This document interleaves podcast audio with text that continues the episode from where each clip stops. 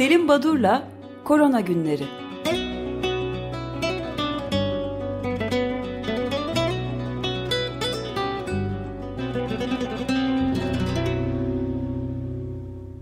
Günaydın Selim Badur, merhabalar.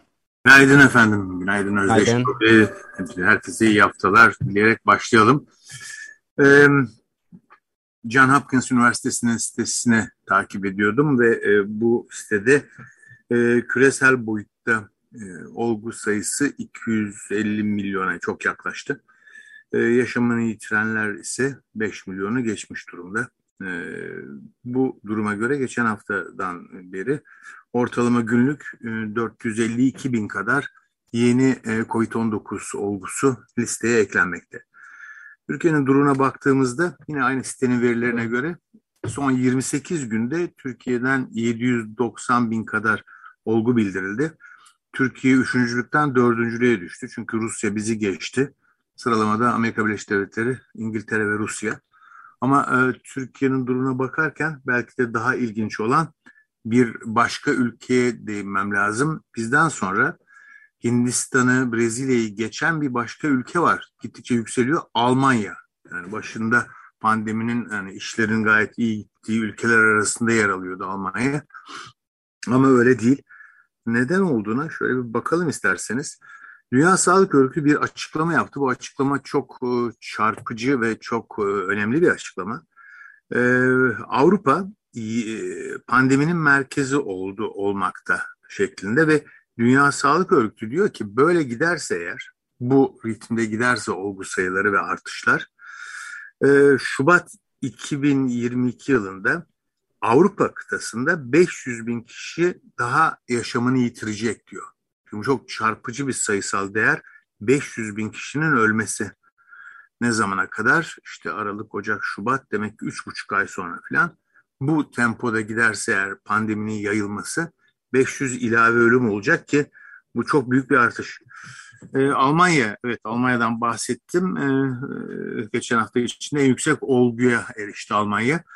E, şimdiye dek pandeminin başından beri e, en yüksek e, düzeyde olgu sayısı 39 bin kadar olguyla 18 Aralık 2020'de idi. E, geçtiğimiz hafta içinde e, 33.949 olguyla e, en yüksek düzeyine geldi. Rusya rekor kırdı. 41 binden fazla olgu günde. Tabi bu sayısal değerler 39 bin, 41 bin, Türkiye'de işte 20 bin deniyor mesela. E, bu bizi yanıltmasın bu gerçekten Almanya'da, Rusya'da, Türkiye'de bu kadar yeni olgu var diye yapılan testlerde çıkan pozitif sonuçlar bunlar.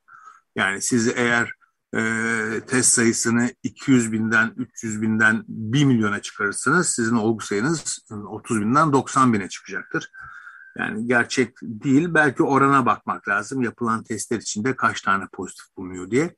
Bir başka konuda tabii kimlere test yapılıyor. Bütün bunlar bu sonuçları değerlendirirken dikkat etmemiz, göz önüne almamız gereken e, durumlar. Evet, e, Almanya'dan ve Rusya'dan bahsettik. Avrupa'nın başka ülkeleri, örneğin e, Hollanda. Hollanda'da 2 Kasım'dan başlayarak e, yeniden kapalı yerlerde maske kullanımı zorunlu hale geldi. E, ilginç bir e, bilgi de berber, kuaför, masörler için hep zorunlu. Seks işçilerine e, zorunluluk yok diye böyle altı çizilerek bildiriliyor bültende haber e, bilgisinde. Restoran ve müzeler için sosyal mesafe HES kodu zorunlu. E, çünkü bir haftada Hollanda'daki artış çok çarpıcı yüzde 39. Hastane yatışlar da süratle artıyor. Ee, e, Avrupa e, ülkelerine baktığımız zaman pandeminin işte yeni merkezi gibi e, yeni olgularda bir hafta içinde yüzde 59 artış olmuş. Yani Avrupa'da gerçekten hani belki e, e, sağlıklı veriler e, bildirildiği için e, bu çarpıcı tablo e, yani göze batıyor ama e, gerçekten Avrupa'da işler iyi gitmiyor gibi. Azalan bir takım. Pardon buyurun. Pardon bir şey sorabilirim arada. Ee, yani bu özellikle Amerika Birleşik Devletleri, e, Britanya e, ve Almanya, Hollanda gibi e, dünyanın en gelişmiş zengin ülkelerin arasındaki bu şeyin böyle çarpıcı bir yükselme oranlarda hem Covid enfeksiyon oranlarında vaka hem de vefat oranlarında ölüm oranında bu çarpıcı yükselmeyi neye borç, borçluyuz diyelim? Ee, e, öngörülemeyen e, ve e, yavaş yavaş kademeli olarak ekonomik kaygılarla yapılan açılmaları borçluyuz. E, buradan şöyle bir sonuç da çıkmamalı. E, bu ülkelerde aşılama e, şöyle ya da böyle uygulanmakta bir aşı etkisiz mi? Bakın bu olgular yine de e, hastaneye yatışlarda ve ölümlerde e, ölümleri engellediği biliniyor. Ama yine de e, sizin de belirttiğiniz gibi sadece olgu sayısına değil yani sadece hafif olguların sayısına artış olsa bu belki de e, daha farklı değerlendirilir ama e, yaşamını yitirenlerin sayısında da artış var. Bu e, e, durumda e, aşı karşıtlığı ve aşı olmayı e, kabul etmeyenlerle ilintili. Bu konuda da ilginç bir takım e, gelişmelere birazdan değinmeye çalışacağım ama hep karamsar haber ve e, ülkelerdeki durumdan bahsetmeyelim. Azalmanın görüldüğü ülkelerde var. Latin Amerika, Amerika ülkeleri. Küba'da %56 oranında azalmış olgu sayısı. Costa Rica'da %25, Arjantin'de %23, Brezilya'da %8 bir hafta öncesine oranla. Amerika Birleşik Devletleri'nde ise geçen bir haftada %15 azalma var. Ölümlerden bahsediyorum. Kanada'da %14 azalma var. Asya'da da Moğolistan'da, Pakistan'da, Güney Kore'de, Filipinler'de hatta İran'da %8 gibi ölümlerde azalma. Demek ki bazı yerlerde bu e, tabii biraz önce de söylediğim gibi e, yaptığınız taramalara ve aramalara bağlı olarak olgu sayısının değerlendirmesi e, o şekilde yapmak lazım. İkincisi e, e, ararsanız buluyorsunuz. E, tabii ülkelerde aşı politikası, aşılama ve bildirim bütün bunlar önemli. Onun için böyle farklı farklı sonuçlar bazen çıkıyor. Bir de bu galiba e, özellikle Batı ülkelerindeki yükselişte işte alt, ilk iki doz aşının üzerinden 6-7 ay hatta 8 ayın geçmiş olması var.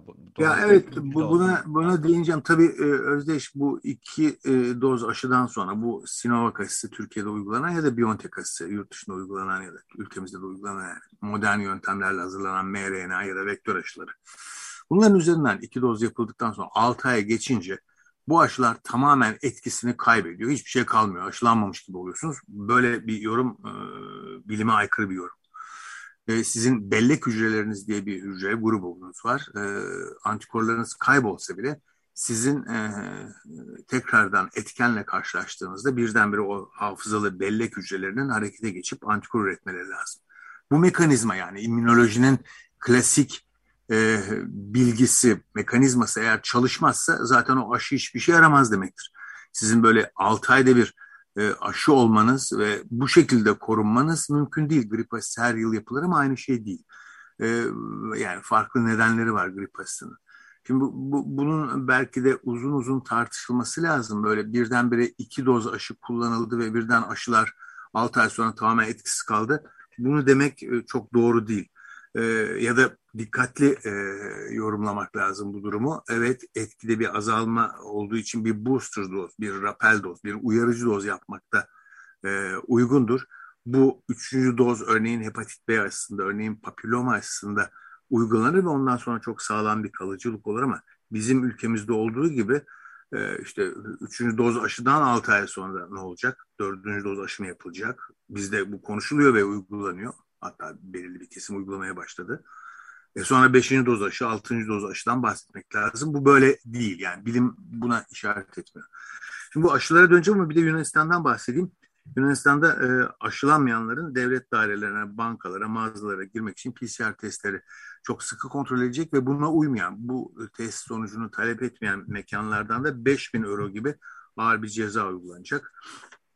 E, ve e, Hindistan Hindistan'da Diwali Festivali, Dünya Sağlık Örgütü'nden onay alan e, Hindistan aşısı. Bunlar da bu ülkeye ait haberler. E, Dünya Sağlık Örgütü'nün 8. aşısı bildiğim kadarıyla onay verdiği e, acil kullanım olayı %78 etkisi olan Covaxin. E, fakat ilginç bir şey Dünya Sağlık Örgütü açıklamasında e, hani eskiden kullanılan bir deyim vardı. Bon pour l'Orient gibi hani Orta Doğu'ya uygun ya da iyi gelişmekte ülkelere WHO'nun e, Dünya Sağlık Örgütü'nün bu e, Hint aşısına e, onay verirken ki %78 etkinliği olduğu bir raporda yazıyor. e, gelişmekte olan ülkeler için uygun bir aşıdır diye bir not düşünmüş. Niye böyle düşünmüş? E, bu da tuhaf bir şey. E, şimdi Kamerun'dan bahsedeceğim. Kamerunlar aşıdan, vebadan kaçar gibi kaçıyorlar. E, sadece yüzde 1.1'i aşılanmış durumda. Aşı öldürür, kısırlaştırır, organları çürütür gibi haberler ya da inanışlar çok yaygın. Ama bir de gerçek belki de hani, e, öyle değerlendirmek lazım. Önemli bir e, yorumları da e, AIDS, sıtma gibi e, bizleri öldüren e, hastalıklara karşı hiçbir şey yapılmadı. E, bunlara karşı beyazlar aşı üretmiyorlar deyip beyazdan gelecek e, Batı ülkelerinden, gelişmiş ülkelerden gelecek e, her türlü e, yardımı ya da e, gelişmeyi kuşkuyla karşılayan, e, yatsıyan e, bir e, e, inanış var Kamerun'da. Neden Kamerun'dan bahsettim? İki ay sonra bu ülkede Afrika, Afrika Uluslararası Futbol Şampiyonası yapılacak. Yani çok insan gelip gidecek e, Kamerun'a. E, Kamerun'un böyle bir e, durumu e, var.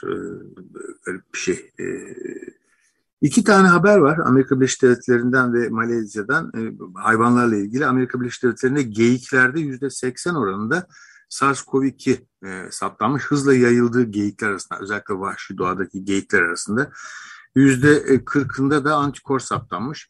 İlk kez yabani hayvanlarda bu denli e, yarasa dışında e, pozitiflik saptanıyor. E, potansiyel bir rezervuar e, olabilir mi bazı e, e doğadaki e, kendi habitatlarında yaşayan e, hayvanlarda örneğin geyiklerde. O zaman bu varyantların oluşumu çok kolaylaşılır. E, tabii buradan da hemen o tek sağlık, One Health konusuna geçmek lazım. Bir enfeksiyon hastalığı, bir salgınla mücadelede sadece insan tıbbıyla değil, e, birçok farklı uzmanlığın, veterinerlerin, işte sosyologların, ekologların, bütün farklı uzmanlık dallarının bir arada e, kafa kafaya verip çalışmalarının önemi daha iyi anlaşılıyor. E, Malezya'da e, insanı enfekte eden ve köpekten geçtiği gösterilen yeni bir koronavirüs saptandı.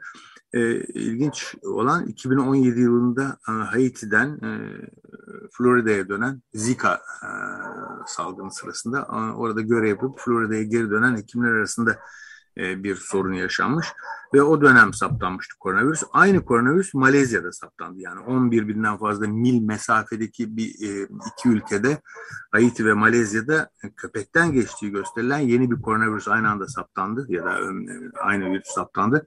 Bu da ilginç yani farklı hayvanlar ve hayvanlardan bulaş konusu tekrardan belki tartışmalı en azından yabani hayvanlardaki bu rezervuar durumu e, varyantların ortaya çıkışında bir e, olumsuz e, gelişme olarak değerlendirilebilir.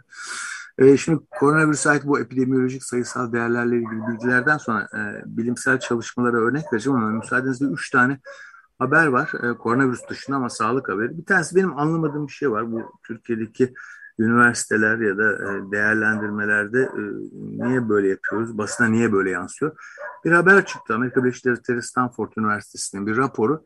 İnönü, Malatya İnönü Üniversitesi'nden 10 akademisyen dünyanın en etkili bilim insanları listesine girdi diye. Şimdi bu haberi bu şekilde vermek orijinaline baktığınız zaman bu raporun e, öyle değil ama yerel basında böyle veriliyor. Yani birdenbire Malatya İnönü Üniversitesi'nden 10 bilim insanı dünyayı 10 e, akademisyen dünyayı yönlendiren bilim insanları listesine yer alıyor diye e, biraz e, daha dikkatli vermelerine yarar var. Böyle çok çıkar. Nerede, nerede yayınlandı bu Malatya Üniversitesi akademisyenleri hakkındaki haber? Malatya Sanal Haber.com'dan çıkmış daha sonra ben bunu çeşitli web sitelerinde de gördüm. Stanford Üniversitesi'nin bir listesi. Ama bu, bu şekilde haberler yayılır bizde. İşte Türk bilim insanlarının kansere bulduğu e, çözümden tutun da dünyada ilk defa uygulanan ameliyatlara kadar hani e, külliyen başarısız demek elbette mümkün değil. Çok başarılı şeylere imza atılıyor gelişmeler ama bu şekilde verildiği zaman da biraz abartılı oluyor diye düşündüm. İki haber var dedim farklı. Bir tanesi e, toksoplazmozise yol açan toksoplazma gondii parazitinin almışlar bu paraziti e, gen transferi e, kripsi yöntemiyle e, değişikliğe uğratıp hastalık yapma özelliğini kaldırıyorlar ve e, bu toksoplazma gondii kanserin tedavisinde kullanımıyla ilgili yepyeni bir yöntem geliştiriyorlar. Belki buna ileride değiniriz. Bir de papilloma virüs aşısı bu e, serviks ağzı e, servikal kansere yol açan e, HPV dediğimiz Human Papilloma virüsün aşılama aşılaması yapılıyor ve etkili bir aşılama. Türkiye'de henüz takvime alınmış değil. E, uzun süreden beri e, Türk Tabipleri Birliği e, bu aşının takvime alınması konusunda e, çağrılarda bulunuyor. Hafta sonu da ilginç bir şekilde Cumhuriyet Halk Partisi Genel Başkanı Kemal Kılıçdaroğlu iktidara gelirlerse bu aşıyı takvime alacaklarını açıkladı. Böyle bir gelişme var bu konuda. Çok, e, biz buna da değinme fırsatı bulmuştuk. Çok e, etkili olduğu açıklanıyordu. Rahim ağzı kanseri. Evet, evet, evet, evet. Ee, rahim ağzı kanseri evet yani çok e, Türkiye'de gündeme geldi takvime alınması Recep Akdağ döneminde. Ben de o zamanlar bakanlık işte bu konuyla ilgili bir komisyonda görev yapıyordum üniversitedeyken tam alınmak üzereyken çeşitli nedenlerle durduruldu falan. Garip şeyler oldu. Bir gün konuşuruz papilloma virüsünün aşılama öyküsünde Türkiye'de ama 10 yıldır gündemde. Şimdi tekrar Covid'e dönersek e, iki ilginç garip haber var. Bir tanesi Avustralya'dan. Avustralya'daki üniversitelerin özellikle e, gelir kaynağının önemli bir bölümü e, üniversiteye yurt dışından gelen, Avustralya dışından gelen öğrenciler imiş. Ama bu yabancı öğrenciler kısıtlamalar nedeniyle sınırlar kapatıldığı için ülkeye giremediklerinden hani üniversitede e, kayıtlarını yaptırmıyorlar. Paralarını da ödemiyorlar. Bunun üzerine Avustralya üniversiteleri çok ciddi paralar kaybetmişler. Peki bunun e, miktarı nedir diye bakarsanız yaklaşık e, 1.8 milyar dolar e, geçen yılın kaybı. E, sonuç sonuç olarak e, bütün Avustralya üniversitelerinden 17.300 kadar görevli e, istifaya ayrılmak zorunda kalmışlar. Kısaca bu haberde Avustralya'da üniversitedeki akademisyenlerin yavaş yavaş e, ama gidece, giderek artan oranda üniversiteden ayrıldıkları, üniversiteden ayrılmak durumunda kaldıkları, sözleşmelerinin yenilenmediği haberi geliyor. E, bu da Avustralya e, üniversite e, dünyasına e, COVID'in bir olumsuz getirisi diyeyim. E, ilginç bir haber Oxford, Oxford Language sözlük 2021'de e, 2021 yılının yılın kelimesini seçmiş. Vax, vaksinden gelen, aşıdan gelen vax kelimesi yılın e, sözlüğü seçildi Oxford e, sözlüğü tarafından.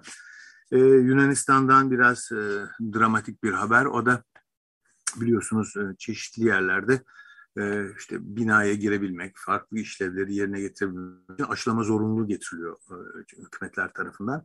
E, ama bir yandan da aşı olmak istemeyen, aşı karşıtlığına inanan e, insanlar var. Yunanistan'da şebeke demeyeyim ama bir grup doktor 400 e, euro karşılığında e, aşı yapmak yerine e, su enjekte ediyorlarmış ve e, bunun sonucunda da aşı oldu sertifikası veriyorlarmış. Böyle bir sahtekarlık ortaya çıkartıldı. Hani daha önce e, sahte HES kodu ya da sahte aşı oldu belgesi dağıtan Fransa'da, e, Türkiye'de, Amerika'da bir takım sahtekarlıklar biliniyordu ama bunu bir de e, aşı yerine e, su enjekte etmek, e, su uygulamak şekline dönüştürüp pratiğe de dökme ilk kez Yunanistan'da görülmüş. Tabii bu Yunanistan'da aşılama oranlarına da e, soru işareti olarak bakmaya aslında ee, daha önce ben hatırlıyorum Hindistan'dan da gelmişti böyle haberler. Aşı e, mı yapıyorlardı? Evet. Evet, evet. evet. E, Afrika'dan bir çalışma e, sıtmayla paralel gidiyor biliyorsunuz. E, Afrika'nın birçok yöresinde COVID-19. Acaba bu iki e, enfeksiyonun bir araya gelmesi e, sıtmanın ya da e, COVID-19'un daha ağır geçmesine yol açıyor mu? Hayır öyle bir şey yokmuş. Jane Aşan ve arkadaşları Lancet Microbe'da yayınladılar bu yazıyı. E, hafta sonu e, ilginç bir haber e, British Medical Journal'da yayınlandı. Bu tıp dergisinde Paul Tucker isimli bir gazetecinin yazdığı, kalem aldığı bir haber. Üç sayfalık bir yazıydı ve oldukça e, yankı uyandırdı. E, bu haberde 2020 Ağustos ayında e, mRNA aşıları üreticisi olan Pfizer şirketi biliyorsunuz e, faz 3 çalışmalarını sürdürdüler. 2020 yılında birçok aşı üreticisi e, tamamı. Pfizer'de 46 binden fazla gönüllüde faz 3 çalışmasını yaptı. Tabii bu çalışma e, dünyada 153 farklı merkezde yapılıyordu. Bu merkezlerin her birinin ayrı bir de bağımsız özel denetim şirketi tarafından işte yapılan çalışmayı, raporlamaları, elde edilen sonuçları denetleyen bir şirket grubu çalışmaktaydı. Bu şirket gruplarından e, bir tanesi Van, e, Ventavia ismi e, Ventavia şirketinde çalışan Brooke Johnson isimli bir bayan şirketten ayrıldıktan sonra demiş ki bizim kontrol ettiğimiz Pfizer çalışmasının faz 3 ayağında birçok uygun olmayan süreç gözlendi ama bunlar dillendirilmedi. Ben bunları FDA'ye onay bildirdim ama FDA de bunun e, dikkate almadı. Neler vardı? İşte protokolde yapılan bazı minik değişiklikler rapor edilmedi. E, laboratuvar örnekleri uygun etike, etiketlenmedi. E, yan etki bildirimi doğru zamanda yapılmadı gibi süreçle ilintili belki aşının etkinliğinde bir sahtekarlık değil ama hani sürecin e, olması gerekenden farklı bir takım minör değişikliklerin zamanında e, uygun biçimde bildirilmediği, bildirildiği zaman da FDA tarafından dikkate alınmadığı, e, önemsenmediği rapor edildi. Bu da e, hani e, işte COVID-19 aşıları ile ilgili önemli bir haber olarak kayıtlara geçti. Şimdi e, Ipsos'un dünyada yaptığı e, bir takım e, anketler var. Bu anketlerde acaba siz bundan sonra COVID-19 krizinden sonra dünyanın e, e, hani bütün bu gelişmelere bakışı, e, eski alışkanlıklardan vazgeçme, küresel boyutta değişmeli mi, değişmemeli mi sorusuna e, en çok e, Kolombiya, Rusya gibi ülkeler, Peru, Şili yani e, Meksika, Latin Amerika ve Karayip ülkeleri Rusya'da dahil bunlar evet gerekli demişler. E, kim e, yok fazla da gerekli değil e, diyenler ise Amerika Birleşik Devletleri, Hollanda, Almanya ve Güney Kore. Benzer şekilde dünya değişmeli diyenlere e, dışında ikinci bir soruda anketin bir bölümü de ben yaşama bakışımı ve alışkanlıklarımı değiştirmeli miyim sorusuna yanıt. Yine benzer bir şekilde e, Latin Amerika ve Karayip ülkeleri evet diyorlar. Türkiye yüzde 71 oranında evet değiştirmeliyim ben hayatım diyor. Yine karşımıza Almanya, Hollanda, Güney Kore, Japonya, İsveç gibi e, gelişmiş ülkeler. Yo ben hayatımı değiştirmem diyorlar. Bu da böyle bir e, garip bir e, sonuç. Aslında dünyanın durumunu en iyi gösteren şeylerden bir tanesi olduğu söylenebilir. Çünkü başka anket yani araştırmaların sonucunda da dünyadaki en e, etkili şeyin e, bir avuç zenginin çok küçük bir zengin azınlığın dünyanın kaderini etkilemekte olduğu ortaya çıkıyor çeşitli anketlerde ve araştırmalarda. E bunun değişmesini de istememeleri normaldir tabii. Bu evet. medyayı yönlendirenleri. Peki bitirirken iki Türkiye'deki çalışmaya değinip e, sözü e, öyle bir diye bırakayım zamanına geçmeden. Bir tanesi e, İzmir'den geliyor. Selma Tosun ve arkadaşlarının yaptığı e, oldukça kapsamlı bir inceleme. E, Covid-19 inaktif aşısı olan yani Sinovac aşısı olan kişilerde 4, 4040 tam sayı 4040 sağlık çalışanında yan etki bildirimi e, Postgraduate Medicine dergisine gönderilmiş bir yazı. Henüz yayınlanmadı ama yayın aşamasında. Burada da çok ciddi bir yan etki olmadığı, daha çok baş ağrısı, e, enjeksiyon yerinde ağrı gibi e, alerjisi olanlarda da hani ciddi sorun görülmediğini bildirmişler. Önemli bir yazı. E, 4040 e, sayısı oldukça büyük. Bunlar ilintili hani başka yan etkilere ait ne oldu örneğin kardiyolojik sorunlara yayınlar var onları e, vaktim kalmadı ama son bir yayında e, Bahçeşehir Üniversitesi Bahçeşehir Üniversitesi öğrencilerinden geliyor. Onlar da Türkiye'deki üniversite öğrencileri arasında e, COVID-19 aşısına nasıl bakıldığını e, anketlerini e, yapmışlar. Stajyer Doktor Saruhan Yatağan ve öğretim üyesi Petek Eylül Taneri tarafından yapılmış danışmanlığında Profesör Doktor Tansu Salman yapmışlar. 2215 üniversite öğrencisi 164 üniversitede bunların e, özellikle e, hani e, aşıya bakışları, hangi aşıya inandıkları konusu özellikle mRNA aşısını yeğliyor Türkiye'deki üniversite öğrencileri. Bu iki çalışmaya değinerek ben bugünkü e, programı bitireyim. Aslında birçok başka bilimsel habere yer kalmadı ama onları da artık haftaya devam ederiz diye düşünüyorum. Teşekkürler ve size iyi yayınlar. Çok teşekkürler. Teşekkür ederiz. Sağ olun, sağ olun, teşekkürler.